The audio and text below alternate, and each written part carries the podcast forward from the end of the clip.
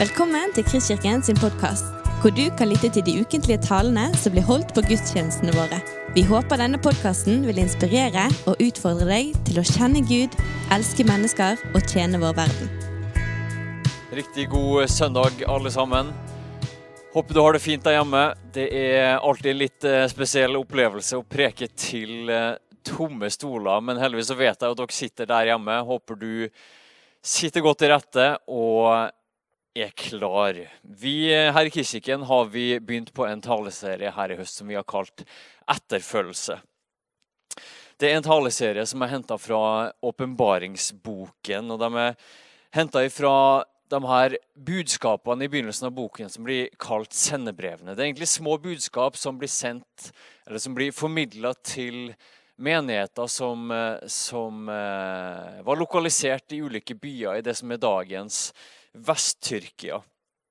Første kristne små forsamlinger som, eh, som, som jobba med det her. Hvordan være kristen i, i sin tid, i det første århundret, i det romerske riket. Og, og vi har byer som Efesus og Smyrna, og i dag har vi kommet til byen Pergamon. Og vi har kalt taleserien 'Etterfølgelse', for alle budskapene handler om det her at de får budskapet fra Jesus sjøl om noe som står bra til i menigheten, og noe som ikke står så bra til. Og så får de beskjed om hva de trenger å endre på for å bli en livskraftig menighet. Og så får vi egentlig innblikk i noen av de første kristne sin vandring og sin etterfølgelse. Hvordan så den ut i sin samtid, i sin kultur? Så har vi sagt det at vi ønsker å høre det som de hørte med den symbolikken som er brukt, og, og, det som de tenkte på når de hørte de budskapene her, så har jeg lyst til å stille oss sjøl spørsmålet hva betyr det for oss i dag? Her eh, ser du et kart. Det er egentlig byene som alle de her budskapene var skrevet til, og vi har kommet til byen Pergamon i dag. Og det var Johannes som satt på øya Patmos, som skrev de her budskapene. Og hvis du blar opp i kapittel 2 og til vers 12, så skal vi lese sammen.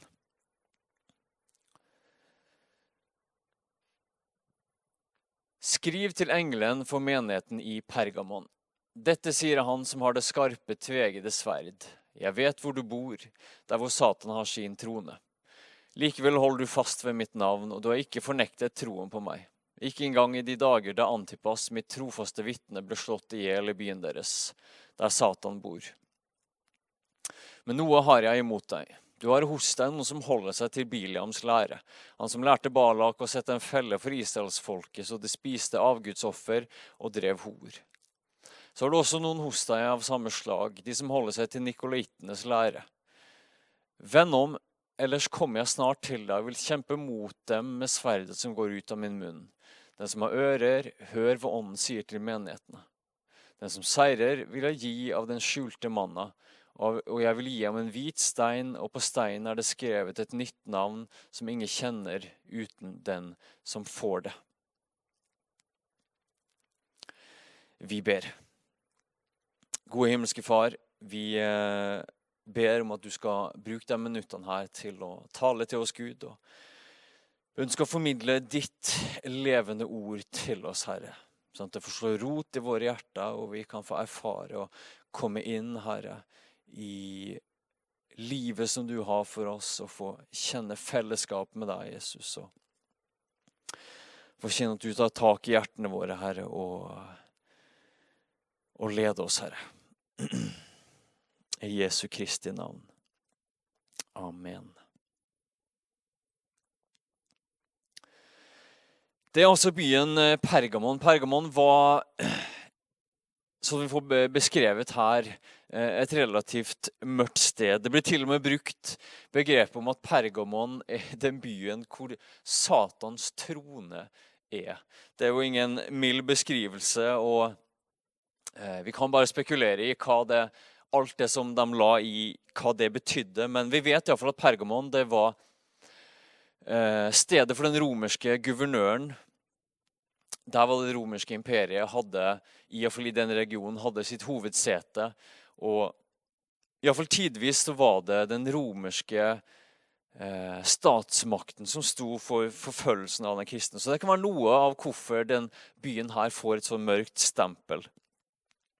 Det andre det vi vet også er at byen hadde et, eh, et voldsomt akropolis, et tempelkompleks. Når du, så når du kom opp til byen, så ville du sett i midten av byen så raga det eh, store templer, eh, monumentale byggverk som eh, du ville sett ifra, ifra langveisfra, og som mest sannsynlig var imponerende å se på. Et av de templene var, var et stort tempel til guden Sevs. Og Alt dette danner kanskje noe av bakgrunnen for hvorfor det, eh, det betegnes som byen der Satan har sin trone. Hvorfor den symbolikken brukes. Og Så leser vi om at eh, Pergamon, menigheten i Pergamon de får skryt. De har tydeligvis holdt ut i vanskelige perioder. og Sånn som vi, Stig Magne talte om sist søndag, så, så også, også har de også her erfart eh, forfølgelse. Vi får til og med navnet på en av de her kristne, Antipas, som, som, har stått for troen sin, og som har bekjent Jesus, og som har betalt den høyeste prisen med sitt liv. Så menigheten har holdt ut, og de har vært trofaste kristne i møte med ulike typer av forfølgelse. Men så kommer det her beskjeden om at Jesus har noe imot dem. De har noen som holder seg til det som i teksten kaller Biliams lære. Eh, det er noen som holder seg til nikolaittenes lære. Vi vet ikke helt hva det her betyr, men noe av det, og det sier også teksten om, tyder på at det har med eh, umoral å gjøre. Kanskje av seksuell karakter. og Vi vil kanskje enkelt sagt at, at selv om menigheten holdt ut, så kanskje den begynte å gå litt trett. Kanskje det var grupperinger i menigheten som, som tenkte at, uh, at måten kulturen rundt oss er Kanskje den, den seksualetikken som er rundt oss Kanskje vi ikke orker lenger å stå imot den. Kanskje vi ikke orker lenger å ha en annen standard. Og så istedenfor å ha kanskje en, en, uh, en fleksibilitet og en, og en, visdom, så blir det mer en assimilering, at man gir opp, og så blir man lik kulturen rundt. Det har iallfall kommet inn noe som kan kalles vranglære. Det er noe med, med, umoral, det er noe mest sannsynlig av, av seksuell karakter. Og Vi vet også at i, i eh, måten eh, de tempel, eh, tempeldyrkelsen og avgudsdyrkelsen som foregikk, så vet vi også at tempelprostitusjon og, og andre former for iallfall det som Bibelen kaller seksuell umoral, var fremtredende.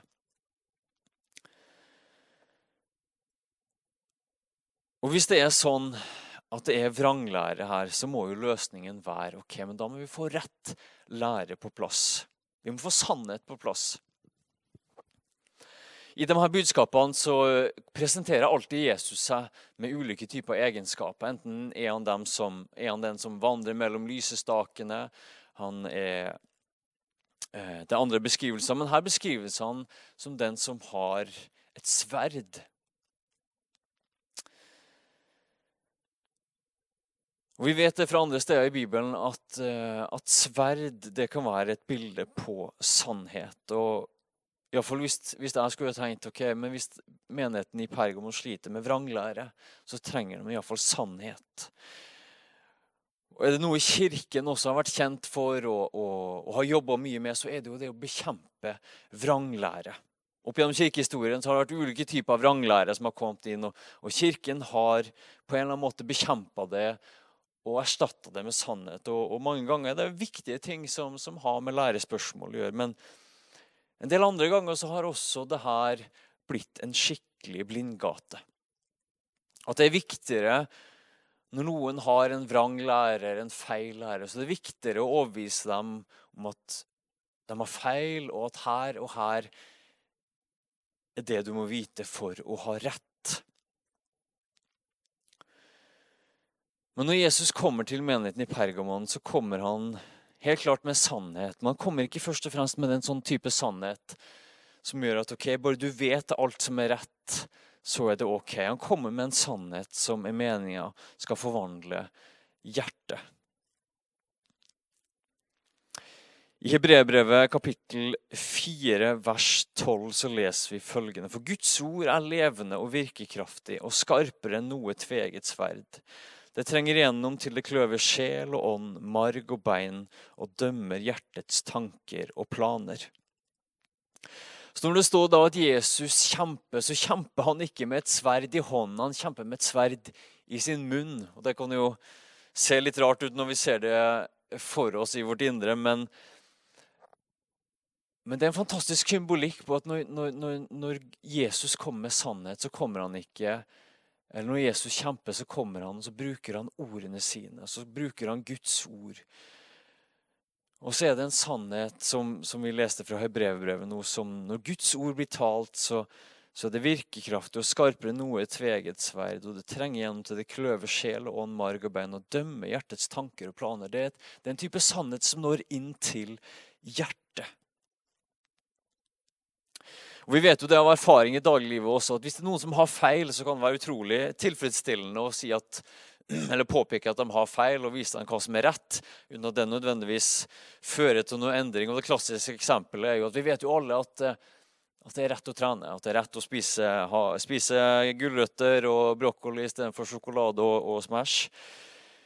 Men det er ikke det som forvandler oss kunnskapen, sannheten i seg sjøl, er ikke nok. Det må på en eller annen måte komme seg ned i hjertet. Jeg husker jeg hørte historien om en som hadde røykt hele sitt voksne liv. Masse også. Visste veldig godt at det var skadelig. Og, øh, men det var tydeligvis ikke nok til å legge vekk sigarettene. Men så en dag så kom han på et sykehjem, og der så han en gammel mann som satt der med sigaretten sin. Han røykte den ikke gjennom munnen, han røykte den gjennom et hull i halsen. For kreften hadde spist opp leppene, så han ikke lenger kunne røyke gjennom måten han gjorde det på før. Man måtte røyke gjennom et hull som legene hadde lagt, lagd i pusterøret. Når han så det, så slutta han å røyke på timen og plukka aldri opp en sigarett etterpå.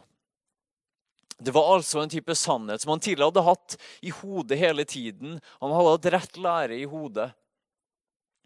Men den vranglæren, for å bruke det begrepet, som han hadde i sin kropp, altså handlingene hans Det han visste i sitt hode, var ikke nok til å endre handlingene hans helt til sannheten traff og ble så skarp og traff så tydelig at den også traff hjertet hans. Da slutta han å røyke på dagen. Så jeg tror at Hvis vi ville kommet til menigheten i Pergamon, så ville vi kanskje vært veldig raske med å si jeg vet hva, her, er, her har dere feil. Her har dere rett. Vet du hva? Eh, seksualitet er skapt ifra Gud, og det er noe fantastisk. og Vi skulle gjerne ha snakka mye mer om, om, sex. og vi kunne eh, gjerne gjort det i denne talen her også. Vi skal ikke gå inn den døra, dessverre, vil noen kanskje si. For at Kirken trenger å snakke om sex og trenger å snakke mye mer om sex, tror jeg. For sex er skapt av Gud, og det er fantastisk. Men det, også, det kan være destruktivt hvis de ikke får leve i sin rette plass. Vi ville kanskje sagt til menigheten i Pergamon hva, hva som er det rette. Og Kanskje ville man nikka og sa ja, jeg vet ikke dere har rett, og, og vi, skal, vi, skal, endre oss og, og, og så videre. Men mest sannsynlig ville det ikke ha endra så mye hvis ikke den sannheten på en eller annen måte kom inn i hjertet. Og Jesus snakker om noe av det samme, at når sannheten treffer oss, når, når, vi har på en eller annen måte vrang lære i vår kropp, i vår tanke, så har Jesus også noen ord til oss. Når vi leser evangeliene, så kommer vi til Johannes kapittel 8, vers 31 og 32. Da sier Jesus følgende. Jesus sa da til de jødene som var kommet til tro på ham. Hvis dere blir i mitt ord, er dere virkelig mine disipler. Da skal dere kjenne sannheten, og sannheten skal gjøre dere fri. Så det er tydeligvis en kobling for Jesus mellom, mellom det å, å, å, få sannheten, det å kjenne sannheten, det å bli fri. Jeg tror det også derfor at Når Jesus presenterer seg til menigheten i Pergamon, her, så er det også med det her sverdet som ikke er i hånden. Jesus kjemper ikke imot noen med sverd i hånd, men han kjemper med ordene i sin munn. For det er skarpt, det er liv, det er virkekraftig, og det trenger gjennom. Og Det er ikke først og fremst informasjon, det trenger gjennom til hjertet. Og Når Jesus da bruker det her begrepet 'hvis dere blir i mitt ord', ikke hvis dere kan mitt ord, uansett, selv om det er viktig å kunne Bibelen og bibelvers, men hvis dere blir i mitt ord, da er dere virkelig mine disipler. Da skal dere kjenne sannheten, og sannheten skal gjøre dere fri. Å bli i mitt ord, tenker jeg, det er det her å leve det ut. Når vi begynner å ta det som Jesus sier, og ikke bare er informasjon, men vi begynner å prøve å leve det ut, da begynner vi å puste realiteten av Guds rike. Da begynner vi å se at det er ikke bare informasjon men Guds rike er her, og vi kan med våre liv leve ut, leve i Guds rike. Vi kan leve i Hans ord. Vi kan høre på det Jesus sier, og vi kan begynne å leve det ut. Da er vi virkelig Hans disipler. Da lever vi virkelig et liv i etterfølgelse.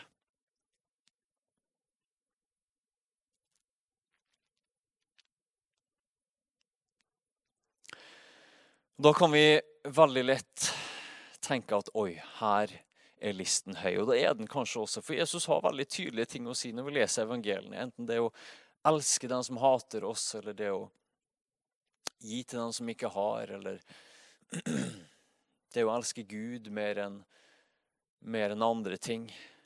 Det er ting som stiller krav til oss. og Vi kan da tenke at OK, det jeg må gjøre, er å endre min oppførsel. Og Det er egentlig en, en flott måte å tenke på. Kanskje det er også som slo menigheten i Pergamon her, de fikk det her budskapet om at de måtte vende om, de måtte endre.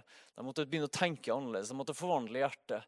De måtte få vekk denne umoralen, denne vranglæren, på en eller annen måte. Ikke først og fremst fordi det var feil i seg sjøl, det var et regelbrudd, men fordi det ødelegger livet. Da kunne de iherdig begynne å prøve å endre oppførselen sin. Ja, jeg skal ta meg sammen, og jeg skal, jeg skal, jeg skal ikke skal ikke gjøre det, jeg skal ikke gjøre det, jeg skal ikke gjøre det. Jeg skal ta meg sammen og oppføre meg riktig. Og Kanskje er kristen praksis av og til redusert til det. Kristen liv, at vi skal holde oss innenfor noen regler, og så skal vi ta oss sammen. Og så blir det en måte å regulere min oppførsel på. Jeg skal ikke banne, og skal ikke snakke stygt. og Jeg skal ikke, jeg skal ikke tenke med begjær på noen av andre mennesker som jeg møter eller ser. Eller seksualiteten min skal jeg bevare ren. Alt det her, som i seg sjøl er veldig bra, kan bli en måte at jeg fokuserer på å håndtere min oppførsel. Men det vil fort merke, og det her sier vel også Iallfall hvis man har litt erfaring med å prøve å leve rett og leve godt, at man kommer ikke veldig langt med å prøve veldig hardt med å endre sin egen oppførsel. Til det er vår tilstand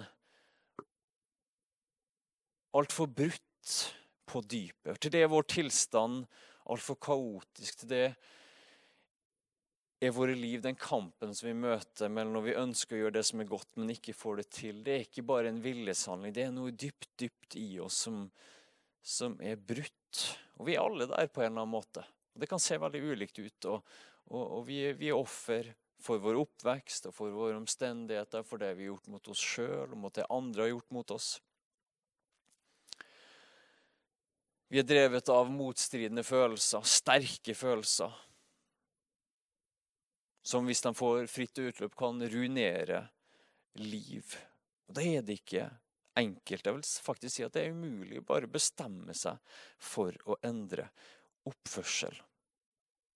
Derfor Når Jesus kommer til menigheten i Pergamon her og sier at de, de, skal endre noe av praksisen sin, så er det ikke med en type sannhet som sier at du bare må tro de riktige tingene, så endrer du deg. Men det er en type sannhet som, som er det her sverdet som går ut av Guds munn. Det er Guds ord som går inn og endrer hjertet. Og det er kun der, når Guds ord kommer inn og endrer hjertet, at oppførselen vår blir endra. At så å si vranglæren mister grepet. Bibelen bruker dette begrepet, og Jesus gjør det også senere i det skriftstedet vi leste, og sammenligner det her med, det, med, med treet og fruktene. At et godt tre bærer god frukt, men et dårlig tre bærer dårlig frukt. Så når da Jesus kommer og sier 'omvend dere', så kan vi igjen prøve å endre oppførsel. Vi kan prøve å ta tak i grenene, vi kan prøve å skvise ut bedre frukt. Men hva hjelper det? Hvis du står hjemme i hagen din og tvinner og bøyer og skviser på den greina på epletreet, kommer det bedre frukt? Nei, det gjør jo ikke det. Det må gjøres noe med selve treet. Det må gjøres noe med rotsystemet. Eller for å si det i mer menneskelige termer, det må gjøres noe med hjertet. Bibelen er veldig tydelig på, Jesus sier det sjøl i evangeliene, at umoral og begjær og hor og bitterhet og hat Alt det, det kommer i fra hjertet. Dette var noe av store kritikken Jesus hadde også til fariseerne. At De var så opptatt med å endre det ytre, og kanskje så oppførselen fin ut i det ytre. Men de gikk ikke til hjertet, setet, kilden, røttene for våre handlinger. Da vet vi ikke også det her fra dagliglivet. Hva hjelper det hvis, hvis, du har For å si det sånn, kanskje vi alle har denne vennen, eller kanskje vi er det sjøl, som har veldig store ord om hva man tror på og ikke tror på osv. Enten det er kristent eller andre ting man tror på. Man kan snakke veldig mye om at man tror på trening, og du skal bruke musklene dine og sånn og sånn. og Du bryter ned muskelfibrene, og de bygger seg opp, og du må bygge med, på med protein. Men hvis det blir bare ord, og du finner det ikke igjen i handlingene, hva slags tro er det? Hva slags sannhet er det.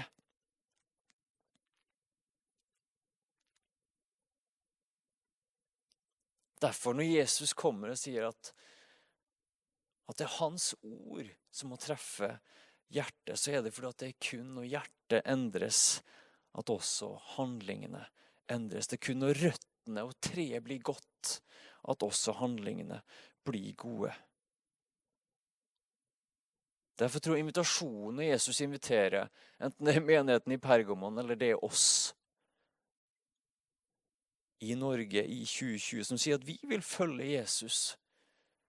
Så det er flott, og jeg tror det er veldig bra og jeg tror det er kanskje helt nødvendig å ønske å ha oppførsel. For vi registrerer alle ting i våre liv, handlinger, reaksjonsmønster, tankemønster som er destruktive for oss sjøl og for oss andre. Men vi vil aldri komme noen vei. Vi vil bare slite oss ut hvis vi bare ender opp med å hele tiden skulle endre oppførsel, men hele tiden hoppe over hjertet. Men Guds ord taler til hjertet og ber oss gå inn til hjertet. Jesus ber oss om å gå inn til hjertet og si La meg få begynne å endre det stedet, den kilden der alle handlingene kommer fra. Vi vet ikke hvordan det gikk med menigheten i Pergamon så mye etter det her. Hvis de bare prøvde å være flinke og endre oppførselen sin, så har jeg begrensa tro på hvor bra det gikk. Men hvis de tok til seg Jesus sine ord og lot det begynne å endre hjertet, så tror jeg at det også kunne gå bra med menigheten. Og Da blir jo det store spørsmålet hvordan endrer vi hjertet? Hvis det er det etterfølgelse av Jesus dypest sett handler om, at han får begynne å forme oss, dem vi er i dypet, i vår sjel, i vårt hjerte, i vår tanke, i vår vilje, i våre følelser, der alt det her kommer ifra. Hvis vi går bare rundt i det ytre og ser fine ut med vår oppførsel, men hopper over den indre jobben, eller det vil si for å si det mer, at hopper over at han får gjøre den indre jobben, så lurer vi bare oss sjøl, og vi sliter oss fullstendig ut.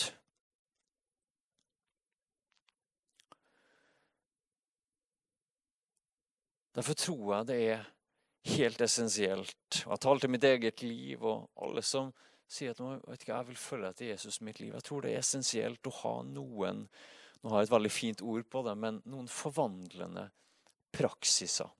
Og det er mye mer konkret enn enn det fine ordet kanskje skulle tilsi. Men, men, å ha noen praksiser i sitt eget liv som, som, når inn til hjertet, som ikke først og fremst er er fokusert på å skvise god frukt ut av dårlige greiner, men praksiser som evner å berøre hjertet.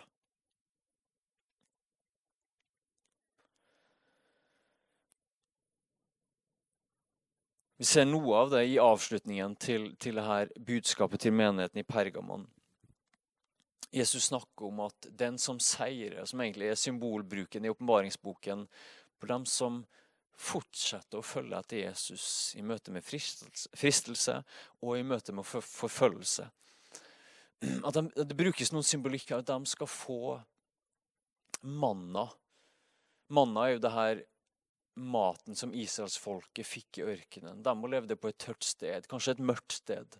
Men Gud ga dem overnaturlig mat. Og Det står også til menigheten i Pergamon at, de, at den som seirer, skulle få denne steinen med et nytt navn på, som ingen kjente utenom Kristus sjøl og den det gjaldt. Vi vet ikke alltid hva denne symbolikken iallfall 100% betyr, men vi vet iallfall at noe av en antikk praksis og, og Når man inviterte til, til, eh, til store fester og til store eh, ansamlinger, var også at får, som en sånn inngangsbillett så fikk du en hvit stein med navnet ditt skrevet på. Det er kanskje noe av det som, som hintes til i teksten her også. Men det er noe som foregår mellom den enkelte og Jesus den enkelte, den som føler at Jesus skal få oppleve å få mat. Indre mat, mat for det indre, mat ifra himmelen, mat ifra Gud, som metter i, i, i et ørkenlandskap, og som metter selv på et mørkt sted. Jeg tror også, også sies det noe om intimiteten som Jesus kaller de kristne i Pergamon, som også kaller oss til mellom den enkelte og Jesus. Og Her tror jeg vi ser konturene av noen sånne forvandlende praksiser som vi trenger for at, for at, sannheten, for at Gud ved sin ånd og ved sin nåde skal få å endre hjertet vårt. Da vil vi kanskje til vår store overraskelse begynne å se at handlingene våre begynner å endre seg når hjertet endrer seg. forvandlende praksis som jeg prøver å ha i mitt eget liv, er jo helt veldig konkrete og enkle ting som bønn, Bibel. Og akkurat hvordan det ser ut for den enkelte, tror jeg den enkelte også må finne ut av. Noen er A-mennesker, noen er B-mennesker, noen liker det ene, noen liker det andre. Men jeg vil oppmuntre deg til å finne for noen punkt i livet, noen tidspunkt der du får tid til bønn. Og ikke tenk bønn som noe vanskelig, men tenk bønn der du får noen punkt der du kan snakke med Gud om det som ligger på ditt hjerte. Vær ærlig.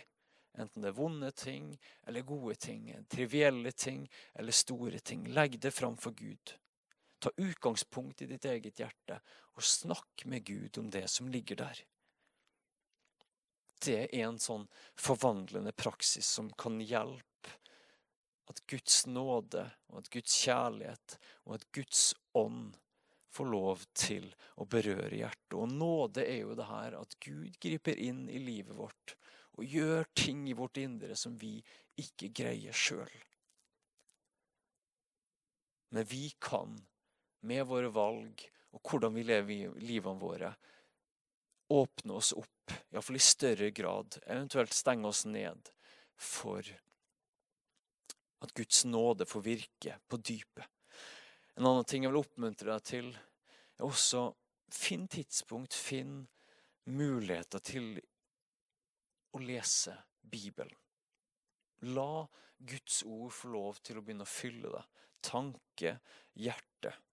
Jeg sjøl er i en småbarnsfase, og det er ikke mye tid jeg får.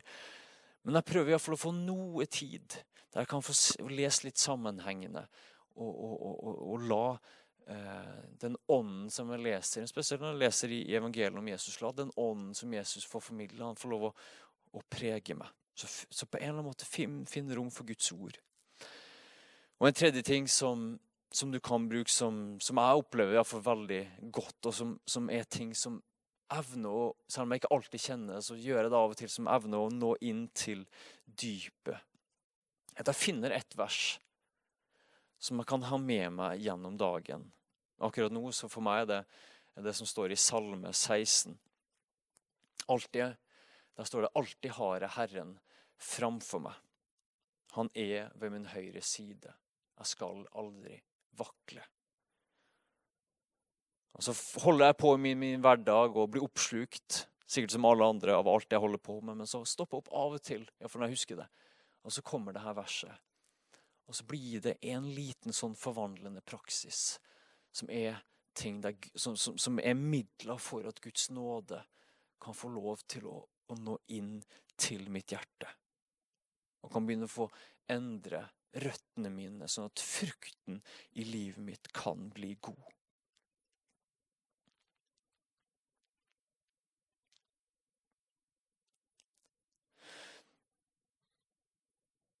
Derfor vil jeg oppmuntre deg til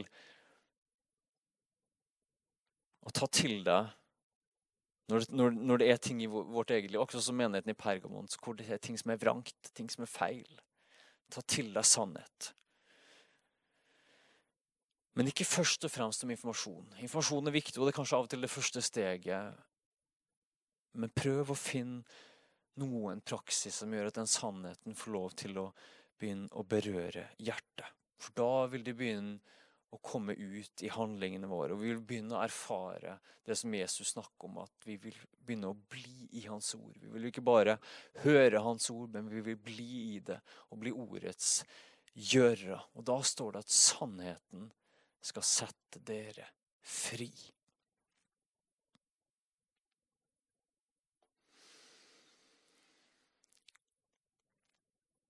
Gode himmelske Far, vi takker deg for din kjærlighet, og vi takker deg for at du er god her. Og når du kommer med rettledning, og når du kommer med veiledning, så takker jeg for at du alltid gjør det av kjærlighet. Du gjorde det med denne kristne forsamlingen i Pergamon her, når det var noe som var vrangt, som var kommet inn. Så kommer du med, med, med rettelse her i kjærlighet. Og jeg takker for at alt det du gjør, Herre, det er i kjærlighet. Også når du påpeker ting i vårt eget liv. Og ber du skal hjelpe oss, Herre, til ikke å slite oss ut og prøve å endre oppførselen vår først og fremst, Herre. Men gi oss nåde, Herre, til å åpne opp våre hjerter, Gud. Og til å la din nåde og din ånd og ditt ord få begynne å skjære og berøre hjertene våre, Herre. Dem vi er i dypet, Herre. Der det kanskje finnes mørke ting og vonde ting, Herre. Gi oss nåde, Herre, til å åpne oss opp, Herre. Og gi oss nåde til å finne noen sånne forvandlende praksiser, Herre.